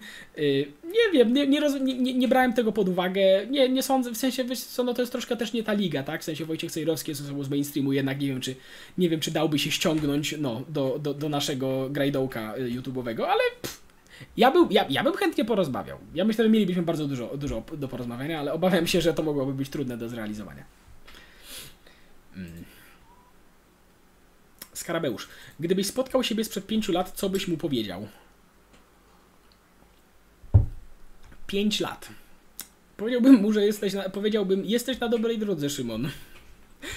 Nie, generalnie we wszelkich tego typu we wszelkich tego typu cofaniach się warto y, zwracać uwagę samemu sobie, prawda, czy innym osobom w tym wieku, że za kilka lat będziesz trochę inną osobą niż jesteś teraz i musisz to brać pod uwagę, ponieważ twoje wybory dobrze by było, gdyby były dobre nie tylko dla ciebie, takim jak jesteś teraz, ale również dla tego innego ciebie, który będzie w przyszłości. Nie zawsze będziesz miał takie same motywacje, nie zawsze będziesz miał takie same chęci, nie zawsze będziesz miał takie same pragnienia. I żeby się dowiedzieć, jaki będziesz w przyszłości, możesz musieć spojrzeć na swoich rodziców na przykład ja wiem, że niektórym się to może nie spodobać, ale to czasem jest. To może być jeden z lepszych. No. W sensie, zwykle kończymy bardziej podobnie do naszych rodziców, niż byśmy tego chcieli. Więc właśnie. Co sądzisz o świadkach Jehowych? Lubię dyskutować czasem. Co myślisz o nieprzyjmowaniu krwi w sytuacji zagrożenia życia? No to jest po prostu niezbyt mądre. Y, czy masz jakieś doświadczenia i czy nie uważasz, że chrześcijanie nie powinni go głosić. Zaraz, zaraz, zaraz. Czy masz jakieś doświadczenia i czy nie uważasz, że chrześcijanie nie powinni głosić Ewangelii jak w pierwszym wieku? To znaczy, ja no, nie mam nic przeciwko świadkowi Jehowy, no w sensie, znaczy nie, nie mam nic przeciwko, no po prostu nie zgadzam się fundamentalnie z wieloma z nich, ale za to bardzo doceniam za chęć dyskusji, prawda? I jeżeli się zjawiają u mnie co jakiś czas, to raczej z nimi sobie rozmawiam, po prostu normalnie. Z, z niektórymi naprawdę miewałem długie i powtarzalne dyskusje, więc, więc no. Mm. No ale wiecie, na przykład rzeczy takie właśnie jak nieprzyjmowanie krwi, no to to jest po prostu niemądre. W sensie to jest zbytni literalizm, tak? To jest zbytnie przypisane, to jest, to jest, yy, to jest pewna, pewien rodzaj fideizmu, tak? W sensie to jest y, zapominanie o rozumie przy konstruowaniu treści religijnych, przed czym na przykład katolicyzm bardzo mocno przestrzega, że, że rozum jest, tak, w sensie jest wiara i rozum. W sensie te dwie rzeczy są niezbędne i jak się zapomina o którejkolwiek z nich, to się robią problemy. Więc, a czy chrześcijanie nie powinni głosić Ewangelii tak jak w pierwszym wieku? Mogą, mogą to robić, w sensie mogą to robić, ale w Świadkowie Jehowy w sensie w sensie ja nie mam, nie mam problemu z metodologią Świadków Jehowy, tylko z tym, jak to się wszystko kończy, tak? Bo to mimo wszystko jest trochę sekta, tak? Mimo, w sensie, to, ja wiem, że są różni Świadkowie Jehowy, ale wiecie, organizacja religijna, która na przykład nakazuje ci zrywać kontakty z rodziną, jeżeli ta, y, jeżeli ta zmienia zdanie na jakiś temat, to niekoniecznie jest zdrowe, prawda? Więc w sensie nie, nie mam problemu z metodami głoszenia Ewangelii, takie jak nawet chodzenie po ludziach, czy wiecie, wiecie katolicy, wie, wiele wspólnot katolickich robi to w podobny sposób, naprawdę, w sensie nawet niekoniecznie chodząc po mieszkaniach, ale chodząc po placach jakichś, prawda, i tego typu rzeczach, więc y, w sensie spoko, to działa. I wielu ludzi nie wie o czym jest Ewangelia, nawet jeżeli wychowywało się w Polsce, to religia im się kojarzy z jakimś takim, no, w sensie chodzeniem do kościoła, tak, a nie z tym, a nie z czymś, co ratuje ci życie czasem, naprawdę, więc tak, głosić Ewangelię ludziom jak najbardziej i, i tyle. Mm. Jak odnosisz się do dogmatu o niezbawieniu poza Kościołem? Y, nie mam w tym momencie, przy, to misterioda, nie mam przy sobie dokumentów, ale generalnie y, któraś, nie wiem czy to jest encyklika, czy to jest dokumenty papieskie jakieś, w sensie, ja, w sensie y, kto to jest członek Kościoła? To jest, że tak powiem, dość istotne pytanie w tym wypadku. To znaczy, czy jest to osoba ochrzczona? No nie, bez sensu, prawda? No bo jest masa osób nieochrzczonych, które. W sensie, gdyby, gdyby, y, gdyby przynależność do kościoła definiowała, y, definiowała przynależność formalna, no ten system byłby troszkę bez sensu. Mam nadzieję, że wszyscy się zgodzą z tym, prawda? I w sensie, i kościół wprost stwierdza, że tak nie jest, że są różne kręgi tego kościoła, że tak się wyrażę, że są, że, że do tego kościoła. I potem nie mam przy sobie dokumentów, no jakby, w sensie możecie poszukać coś na ten temat osobiście, bo, bo ja po prostu nie mam, nie podam wam cytatu, więc jeżeli coś też przekręcę, to proszę mnie poprawić komentarzach, ale generalnie w sensie jest, można być w kościele właśnie dlatego, że jest się ochrzczony, można być w kościele dlatego, że się zachowuje na przykład, że zachowuje się prawo boskie i prawo naturalne, prawo moralne i tak dalej, nie będąc ochrzczonym i tak dalej, lub że się właśnie poszukuje y, Boga i zbawienia, nie znając Ewangelii, prawda? I, i w sensie, i, i ten, to, to przynale- w sensie ja się zgadzam z tą tezą, tylko że w, w, tym kontekście należy podkreślić, że przynależność do kościoła to nie jest przynależność do sformalizowanej, do sformalizowanej grupy, gdzie się dostajesz, jak cię ochrzcił i tak dalej, i tak dalej. Nie, nie, to jest znacznie szersze. W sensie członkiem kościoła stajesz się y, podążając za Ewangelią i akceptując zbawienie płynące od Chrystusa, a nie przez to, że ktoś cię tam, a nie, że ktoś polał ktoś na ciebie wodę, czy nie. Mm, tutaj Mateusz y, zaraz gdzieś tutaj znajdziemy. Czy nagrałbyś Demokracji 3? Nie wiem, co to znaczy, więc nie mogę odpowiedzieć na to pytanie. Ktoś pyta, czy mam jakieś książki ze Star Wars. Tak, mam jakieś książki ze Star Wars. Y, I nawet był czas, że lubiłem. I, i tyle. Znaczy, no, jakbym miał czas, to pewnie dalej bym coś tam poczytał.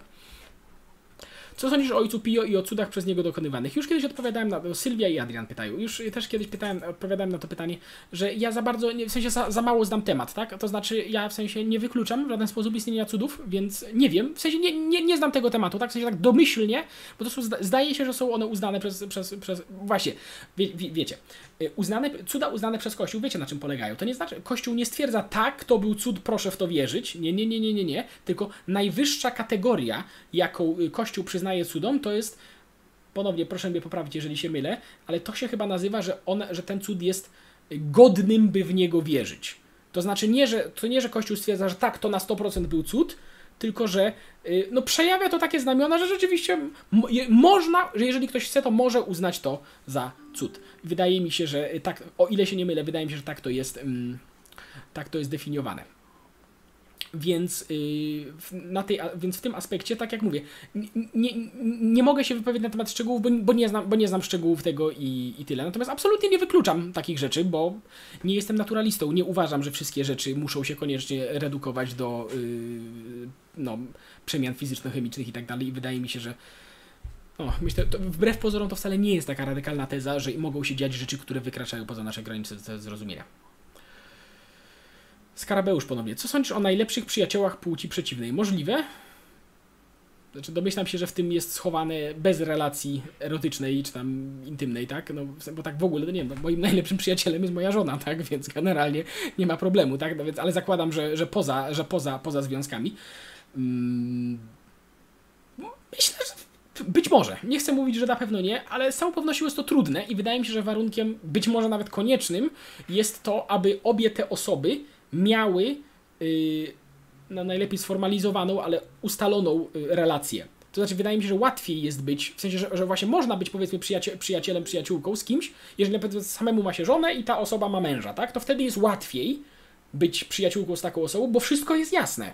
Wszystko jest jasne, każdy ma swoje granice, wiadomo, że no co, co, i, jak, co jak, a gdy yy, a gdy tego nie ma, gdy na przykład oboje jesteście samotni, albo, albo jedno z was ma, ma żonę, dziewczynę czy coś tam, a drugie nie, to, no to wtedy zaczynają się, mogą się zacząć pewne niejasności. Także nie, nie twierdzę, że to jest trudne, ale myślę, że to nie jest niemożliwe. Prosty chłopak z Krosna. Czy zgadzasz się ze stwierdzeniem, że wiara w Chrystusa jest obligatoryjna do zbawienia? Czy to oznacza, że, os że osoby przed Chrystusem są w piekle, tak jak włoskiej komedii? Nie i Kościół katolicki tak nie twierdzi. To znaczy w sensie nie w takiej formie, jak to przedstawiłeś. W sensie yy, zastanawiam się, czy mam jakiś odcinek na ten temat już, czy nie, ale yy, zaakceptowanie, zaakceptowanie zbawienia płynącego od Chrystusa niekoniecznie musi oznaczać, że przeczytałeś Ewangelię i znasz go. Więc nie, nie, nie, to tak nie działa, absolutnie nie. Co sądzisz o malteizmie, czyli poglądzie, że Bóg jest zły? Gdyby Bóg był zły, to ten świat był wielo, wielo, wielokrotnie gorszy niż jest. Nie? Gdyby Bóg był zły i chciałby, żebyśmy cierpieli tu jak najbardziej, to zapewniam was, że ten świat mógłby być bardzo, dużo, dużo, dużo, dużo gorszy.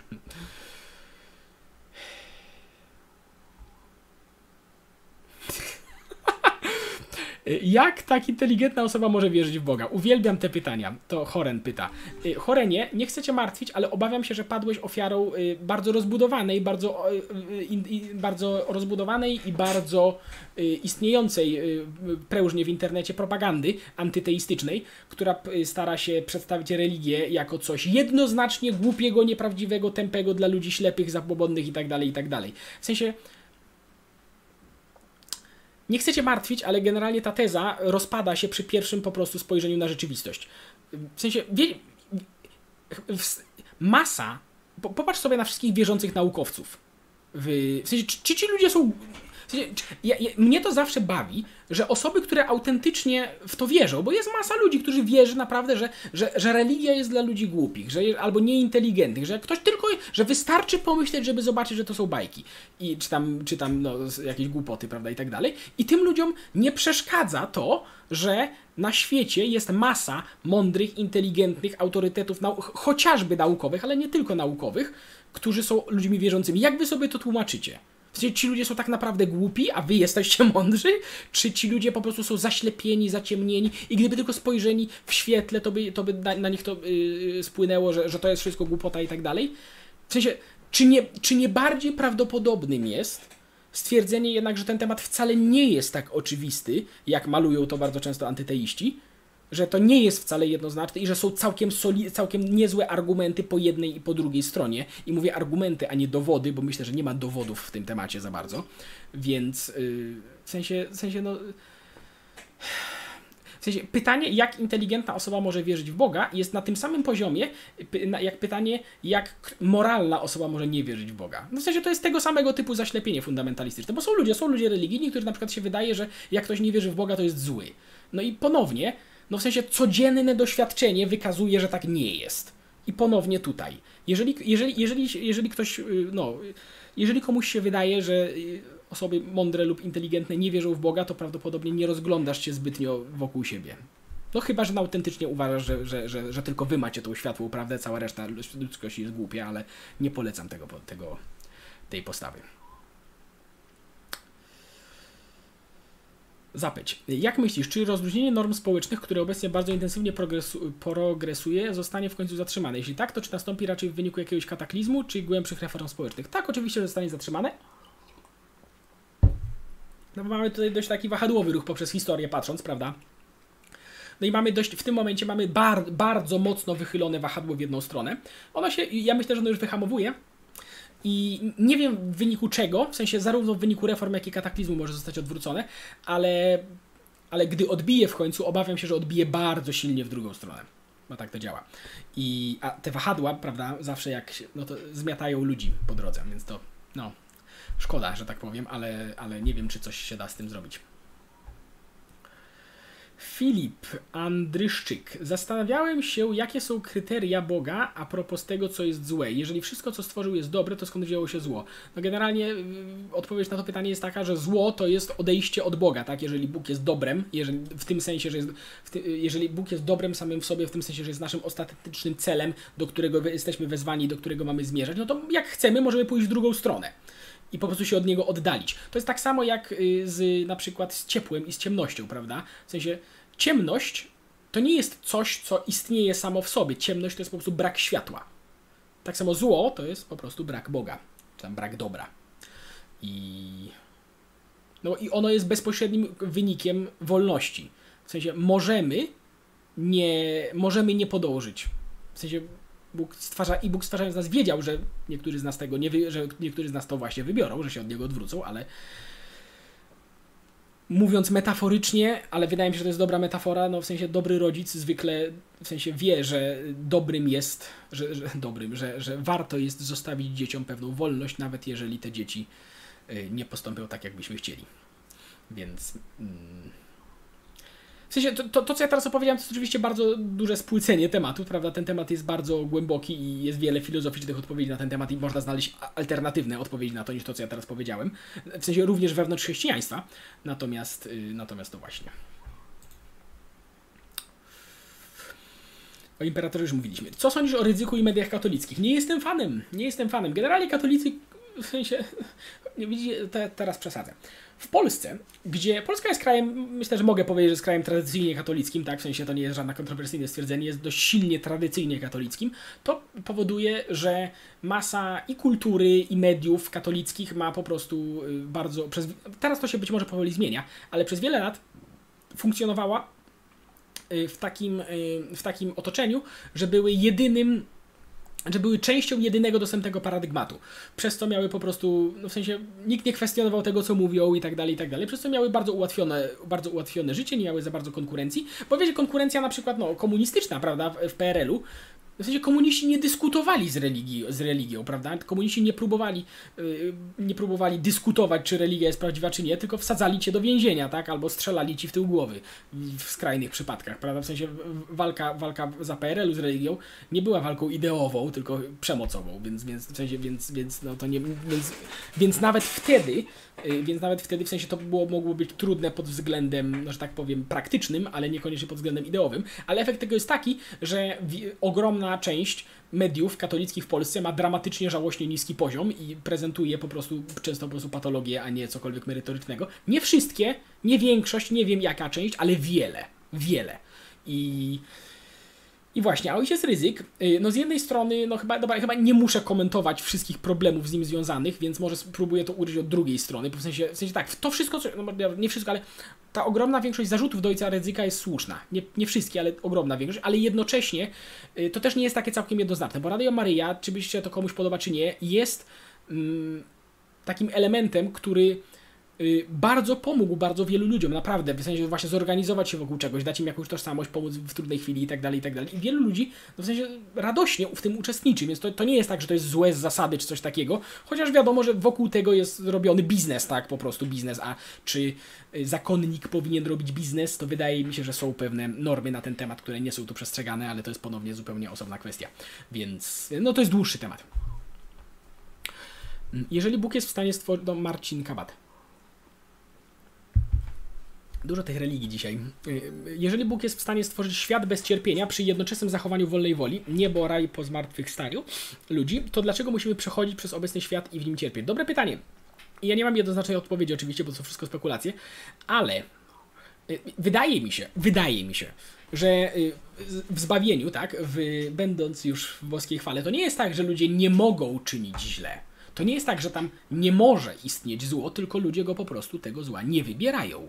W sensie, że przez, y, po przekroczeniu pewnego etapu, po przekroczeniu pewnego etapu, nie wiem, czy to dobrze, nie wiem, czy to dobrze brzmi, ale po osiągnięciu pewnego etapu, ludzie po prostu tego nie robią. I w sensie, ja wiem, domyślam się, że wielu z Was teraz się lampki z tyłu za, zapalają, ale jak to? W sensie, no to jak nie mogą, no to może być złoczynienie. W sensie, zastanówcie się, nie wiem, czy możecie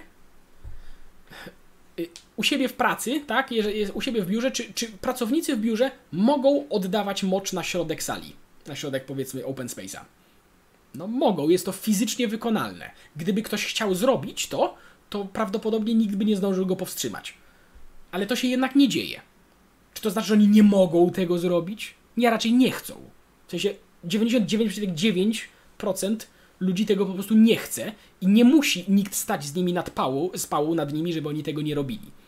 Więc yy, wydaje mi się, że to jest raczej na takiej zasadzie, że w zbawieniu ludzie po prostu, będąc w, w, w, w jedności z Bogiem, ludzie po prostu nie, nie chcą od niego odchodzi. To nie tak, że nie mogą. Tak mi się wydaje. Być może ponownie, ja, w sensie to jest moja opinia teraz, tak? Nie wiem, czy to. Być może ktoś ma, być może ktoś ma jakąś lepszą, y, być może ktoś ma jakąś lepszą interpretację tego, albo jakieś dokumenty, które bardziej to opisują, więc zapraszam do komentowania, ale tak bym to rozumiał. Może odcinek o Wolniewiczu? O, odcinek o Wolniewiczu byłby spoko. Mm, no, rozważę, rozważę.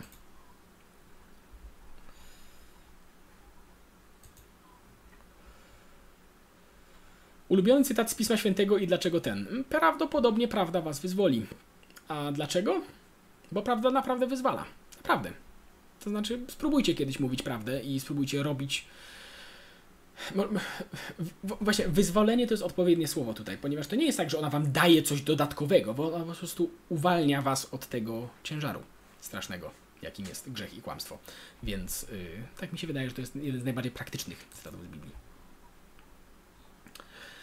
Co sądzisz o tym, że BLM i LGBT mocno oddalały się od tego, co podobno chcą osiągnąć i że przedstawiciele tych ruchów robią krzywdę tym środowiskom? No raczej, ale to też dlatego, do, znaczy w sensie, e, e, dobra, LGBT zostało tu użyte, w sensie nie mamy tu na myśli osób w tym momencie, ja wiem, no w sensie, tak, LGBT to nie jest ideologia, w sensie używanie takiej nomenklatury w ten sposób, ja, ja wiem, co ludzie mają na myśli to mówiąc, ponieważ istnieją zjawiska ideologiczne, które używają osób LGBT do realizowania celów politycznych, ale mówienie, że LGBT to, to ideologia jest niepoprawne i odradzam, natomiast Natomiast no, w tym świetle wiemy o co tutaj panu, panu chodzi.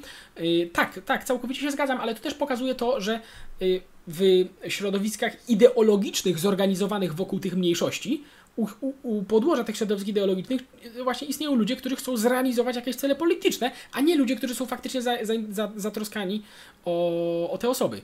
I w sensie to to jest dobry tego właśnie przykład, że, że w sensie, że jeżeli, jeżeli chodzi o, jeżeli ma, mamy wybierać między dobrem tych osób, a realizacją celów politycznych, to wybieramy realizację celów politycznych. No i sorry. I, i no i tyle.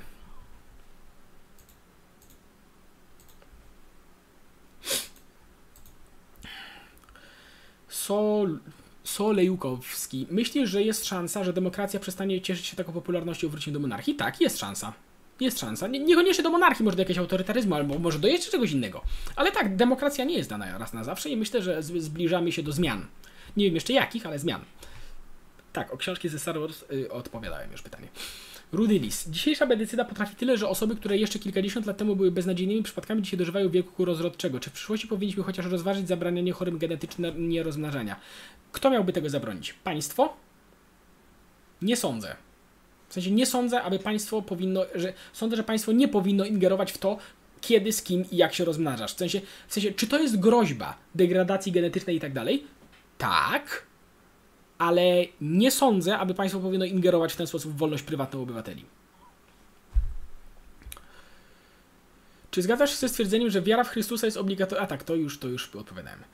Um, uśmieszek pyta, co sądzisz o Malt... A to też odpowiadałem. Yy o, Leszkę Meszkę, czy Juzan Wongowie byli inspirowani wegano-faszystami? Nie wiem. Bo, w sensie wiem, wiem, kto to byli, ale akurat tych książek nie czytałem, tylko wiem mniej więcej o co chodzi. Więc yy, coś w tym jest. Ciekawa perspektywa. Jakby coś ktoś nie wiedział, to chodzi, to, są, to jest obca rasa z Gwiezdnych Wojen, z książek, z legend. W tym momencie to już nie jest kanon.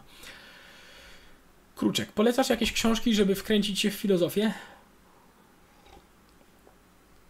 Generalnie wiecie, ja nie jestem jakoś szczególnie mocno wkręcony w filozofię, żeby ktoś nie myślał, że to jest jakieś, to co ja mówię, to jest jakaś wybitna filozofia czy akademicki poziom. Nie, nie, nie, nie, nie. Tak, raczej, żeby wkręcić się w filozofię, polecam zacząć od klasyków, od, począt- od, od, od najbardziej generalnie kojarzonych ludzi w tym temacie i od największych myślicieli, i albo, albo od, od ich prac, albo nawet od opracowań ich prac, ponieważ prace nie wiem, niektórych z tych ludzi są po prostu tak ciężkie, że ciężko w ogóle do tego podejść. Wybierzcie sobie jakiegoś jednego, nie wiem, niczego, Kierkegaarda, czy, czy nawet Platona, prawda, czy coś takiego i zacznijcie czytać o nim. Zacznijcie czytać o nim i o jego dziełach, i, albo coś jego i to jest, i wiecie, cięż, ciężko, wiesz, zacząć wkręcić się w filozofię. No co to znaczy, prawda? W sensie, jeżeli to będzie zbyt ogólne, to do niczego cię nie wpuści. Właśnie wydaje mi się, że lepiej zacząć od jakiejś, od jakiejś węższej albo autora, albo jakiejś dziedziny i z niego potem iść dalej. Tak bym, tak bym sugerował. Malwegil. Co myślisz o luteranizmie? No, nie jestem fanem. Znaczy w tym sensie, no, że mam inne zdanie na bardzo istotne tematy niektóre. Natomiast y, w sensie luteranizm, tak jak wszystkie inne kościoły protestanckie, wydaje mi się po prostu, że y, rozwodnienie i brak scentralizowanej hierarchii, pomimo iż scentralizowana hierarchia bez wątpienia jest źródłem masy patologii, to jednak ten całkowity brak tej scentralizowanej hierarchii i to dlaczego to tak jest, to już jest osobny temat, y, pokazuje, że tym kościołom jest trudniej przeżyć, trudniej przetrwać w takim neoliberalnym świecie. I statystyki i ze Stanów, z Wielkiej Brytanii i ze wszystkich w ogóle krajów protestanckich pokazują, że mm, w sensie kościoły protestanckie znacznie szybciej tracą wiernych i znacznie gorzej się trzymają niż kościół katolicki. Więc, y, więc po prostu jest to, jest, to, jest to mniej użyteczne być może trochę. Co sądzi Pan na temat łowiectwa? No, mam małe zdanie na temat łowiectwa, bo ani sam nie jestem myśliwym, ani nie znam tego tematu zbyt dobrze, ale nie widzę problemu w łowiectwie, tak? W sensie nie widzę problemu w... No po prostu, nie widzę problemu w łowiectwie. W sensie widzę problem, gdyby ktoś przy okazji łowiectwa znęcał się nad zwierzętami, ale no, odstrzeliwywanie sarn, kiedy jest ich zbyt wiele i niszczą ekosystem na przykład, no bo ten ekosystem można powiedzieć, że o, bo on nie byłby zaburzony, gdyby nie ludzie. No tak, no ale jesteśmy tu, no sorry. Więc y, nie, nie mam nic przeciwko łowiectwu.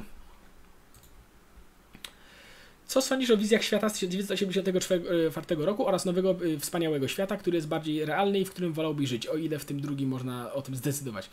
No właśnie, nie będziemy mogli o tym zdecydować na szczęście, natomiast bardziej realny jest nowy wspaniały świat, gdzie nie ma w sensie, no wiecie, my żyjemy w takim dziwnym miksie tych obu rzeczy, prawda? Po części. Ale nowy, wspaniały świat, y, w sensie, bo 1984 jest bardziej rzutowaniem przeszłych totalitaryzmów na przyszłość, a nowy, wspaniały świat właśnie pięknie ukazuje takie rzeczy jak to, że prawda nie jest cenzurowana, tylko ginie w gąszczu nieistotnych informacji. Prawda? I, no i to jest coś, co mamy teraz, prawda? To nie jest tak, że prawda, do prawdy nie można dotrzeć, tylko że ona jest po prostu zagłuszana masą śmiesznych kotków i tak dalej. I tyle.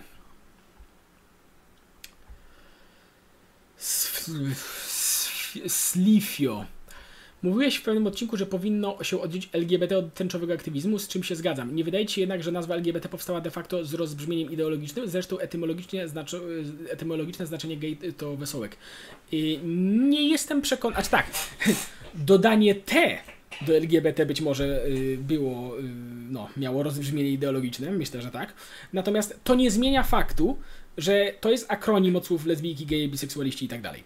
Więc, więc nawet jeżeli ona została, powstała w taki sposób, to czego nie jestem w 100%, bo tak, bo LGB myślę, że nie powstało w kontekście ideologicznym. Mogę się mylić, ale wydaje mi się, że samo w sobie niekoniecznie powstało w kontekście ideologicznym, a mówię, danie T to jest trochę osobna kwestia, ale czy to się komuś podoba, nie, czy nie, to jest akronim na konkretnych ludzi.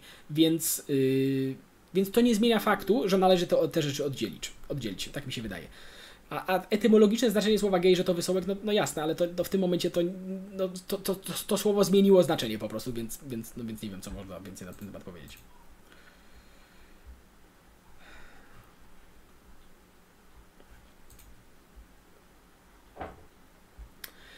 F, a niesamowity. Czy gdyby stworzyć jakiś sztucznie ludzki mózg, na przykład skopiować atom do atomu, to świadomość pojawiłaby się? Jakie są argumenty za tym, że nie jesteśmy tylko maszynami z mięsa ulepionymi w procesie ewolucji? Kiedy rozmowa ze Saifanem, naukowym bełkotem? E, nie, nie wiem, czy będzie rozmowa z Saifanem albo naukowym bełkotem, bo to trochę inna kategoria, inna, inna dziedzina, ale wiecie co? Jakby któryś chciał porozmawiać na przykład o popularyzowaniu nauki, prawda? Albo o właśnie takim społecznym aspekcie nauki, to ja bardzo chętnie, ale, ale nie, nie, nie planowałem tego. Czy gdyby stworzyć jakiś sztuczny mózg, prawda, skopiować atom do atomu, to czy pojawiłaby się świadomość? Mam lepsze pytanie. Czy ten mózg byłby w ogóle żywy? Czy gdybyśmy skopiowali komórkę, y, atom po atomie, to czy ta komórka byłaby żywa? To jest pierwsze pytanie, prawda? I nie widzę powodu, aby uważać, że tak. Znaczy, całe życie, jakie znamy, pochodzi od innego życia. I w sensie nie znamy, nie ma nigdzie przykładów, aby życie pojawiało się w jakikolwiek inny sposób niż y, jako przedłużenie wcześniejszego życia. Nie mamy pojęcia, jak życie powstało. No w sensie jakoś powstało, ewidentnie, bo tu jesteśmy, ale jak to się stało, po prostu nie wiemy. I zakładanie, że te maszynki po prostu są samodziałające. W sensie nie znam, nie, nie wiem dlaczego mielibyśmy tak zakładać po prostu. I tak samo jest ze świadomością. No, też nie wiemy skąd się bierze świadomość i nie wiemy czym jest. Yy, więc. Więc nie, nie, w sensie nie widzę powodów, by uważać, że taki mózg byłby świadomy, i, a, a przede wszystkim nie widzę powodów, by uważać, że taki mózg byłby żywy. Yy. A było pytanie, jakie było jeszcze pytanie? A jakie są argumenty za tym, że nie jesteśmy tylko maszynami z mięsa ulepionymi w procesie ewolucji? Chociażby takie, że y, jeśli. Mm, czekajcie, muszę się znowu napić.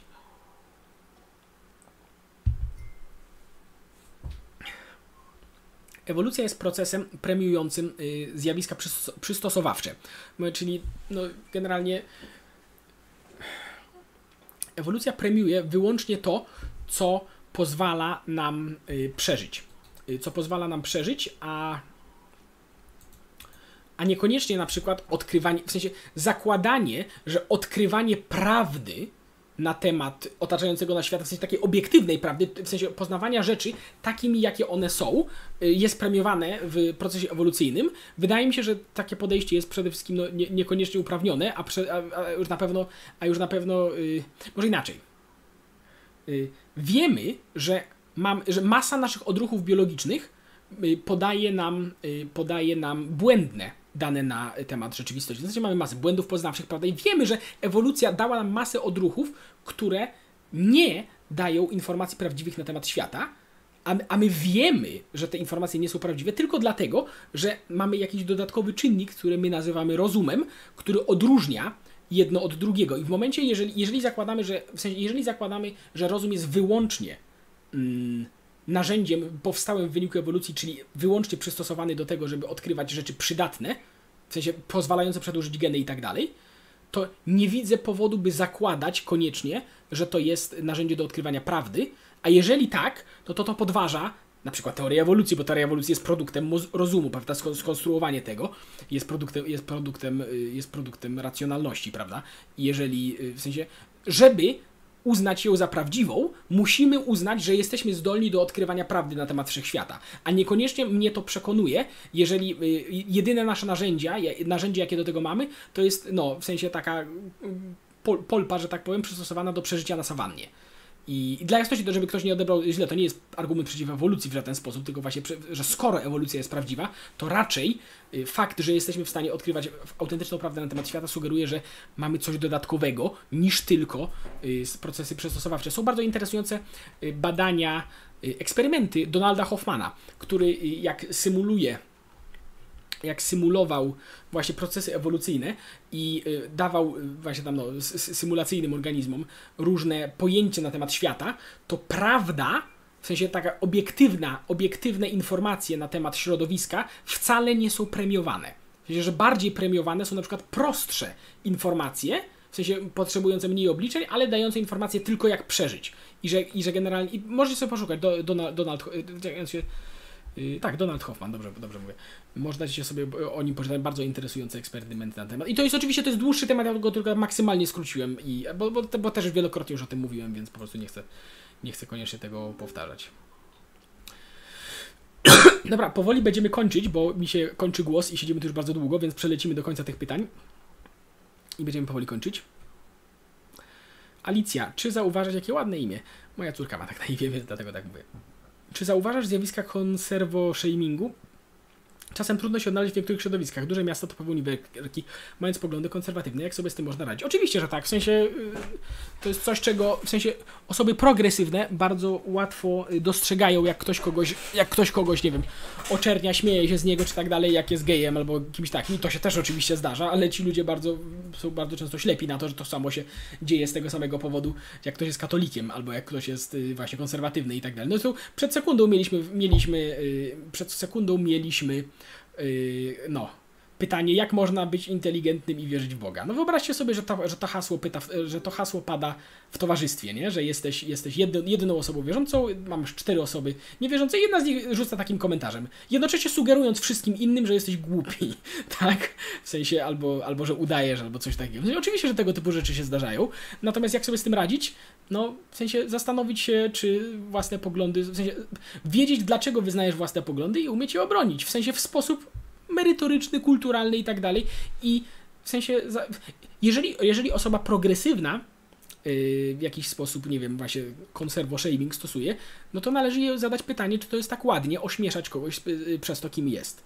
Bo wydaje mi się, że osoby progresywne powinny być raczej wyczulone, żeby tego nie robić. Więc, no. Ale, a, no, no i właśnie. Więc, yy, w sensie, ale też nie, nie popadajmy tutaj w jakieś skrajności, tak? W sensie to, to, to, są takie przypadki, tak? Skarabeusz ponownie. Czy uważasz, że homoseksualista żyjący w kościele katolickim powinien objąć celibat, całkowity brak relacji seksualnych? Czy jest dla niego inne wyjście? Według kościoła katolickiego na chwilę obecną innego wyjścia nie ma. Kościół katolicki yy, sugeruję takim osobom, czy nakazuję, można nawet powiedzieć, że jeżeli chcą mm, aktywnie uczestniczyć w życiu kościoła, to znaczy przyjmować sakramenty i tak dalej, to powinny starać się zachować celibat. Czy to jest dobre rozwiązanie? Nie wiem. Nie wiem, jak Kościół powinien sobie y, poradzić z tą kwestią i nie w sensie, w sensie taka jest definicja, taka jest obiekt, tak, taka jest, y, no, y, taka jest oficjalna wykładnia tego. Natomiast czy to jest najlepsze rozwiązanie? Nie wiem. Naprawdę nie wiem. I to nie jest takie proste, jak komu się wydaje. I no i tyle. Kamu Juno. Czy, czy obawiasz się ekstremizmu opartego na zamykaniu ust osobom, które pokazują błędy w społecznym myśleniu, jak i wyśmiewaniu wartości opartych na kulturze, opartej na, warto, na wartościach chrześcijańskich? Czy obawiam się ekstremizmu opartego na zamykaniu ust osobom, które pokazują błędy w społecznym myśleniu, jak i w wyśmiewaniu wartości, w sensie nie jestem pewien, o które osoby ci chodzi. Czy chodzi ci o osoby właśnie, które bronią wartości, że tak powiem, chrześcijańskich, czy ty, tym, które chcą to zmienić. W sensie y, obawiam się ekstremizmu zarówno tego, jak i tego tak jak mówiłem, mamy, mamy społeczne wahadło wychylone bardzo mocno w jedną stronę i to powoduje, yy, że i to powoduje na przykład, że niektóre osoby, które chciałyby powiedzmy bronić tradycyjnych wartości, które nawet jeżeli, w sensie nie wszystkie tradycyjne wartości są nadal aktualne, tak, no bo yy, realia się zmieniają, ale, ale spora część z nich nadal jest, więc w sensie tak, boję się z jednej strony tego ekstremizmu, ale tak jak mówiłem, obawiam się, że to, że fakt, że mamy tak to wychylone w tym momencie spowoduje to, to że, że później będziemy mieli odchył radykalny w drugą stronę i wtedy będziemy mieli sytuację dokładnie odwrotną, a niekiedy nawet teraz miewamy sytuację odwrotną, więc tak, w sensie tak boję się tego typu ekstremizmu i tego, i tego. I, i obawiam się, że dożyjemy i jednego, i drugiego.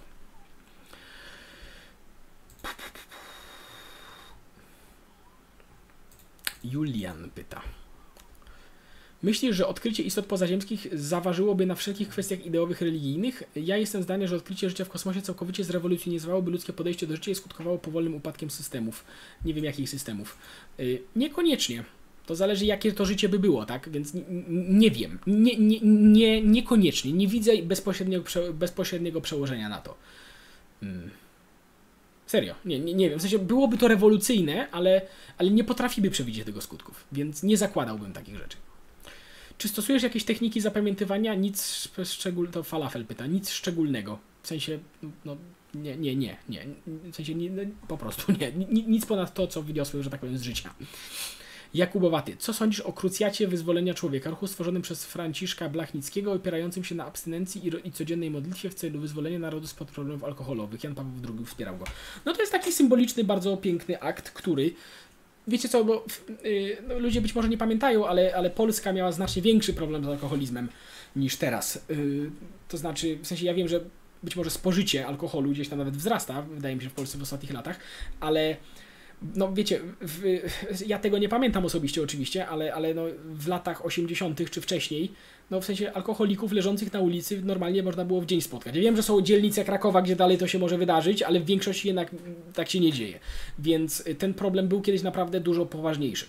Więc y, tego typu akcje, które nawet symbolicznie, w sensie one, które nawet symbolicznie próbują z tym walczyć, myślę, że są jak najbardziej godne, y, godne y, popierania, zwłaszcza, że nadal wielu ludzi ma z tym problem i nawet jeżeli ten problem nie jest aż tak poważny, jak był kiedyś, to nadal wielu ludzi ma z tym problem i w sensie jasne, super, w sensie jeżeli tylko to działa, wydaje mi się, że działa, to, to jak najbardziej. Dobra. Kończymy, ponieważ mi wysiadł już głos całkowicie. I będziemy tym. Czy nagrasz kiedyś moralność według Wiedźmina? Tak, kiedyś nagram.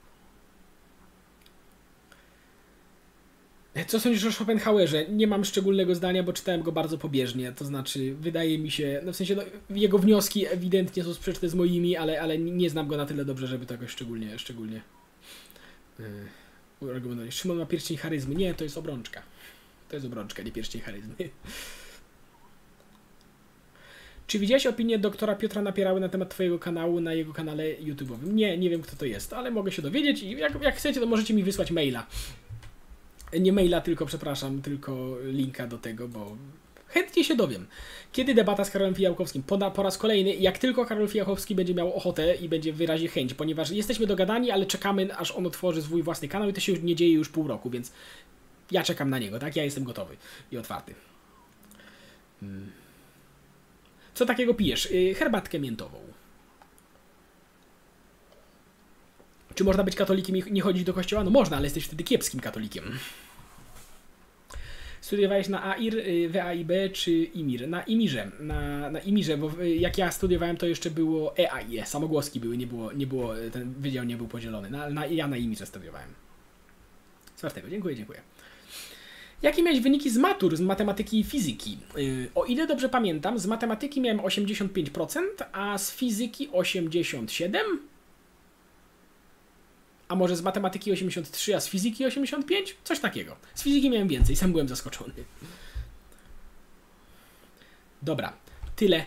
Dziękuję bardzo wszystkim. Yy, jak zawsze bardzo wielkie dzięki za ciekawe, kreatywne, ambitne pytania i do następnego. Hej!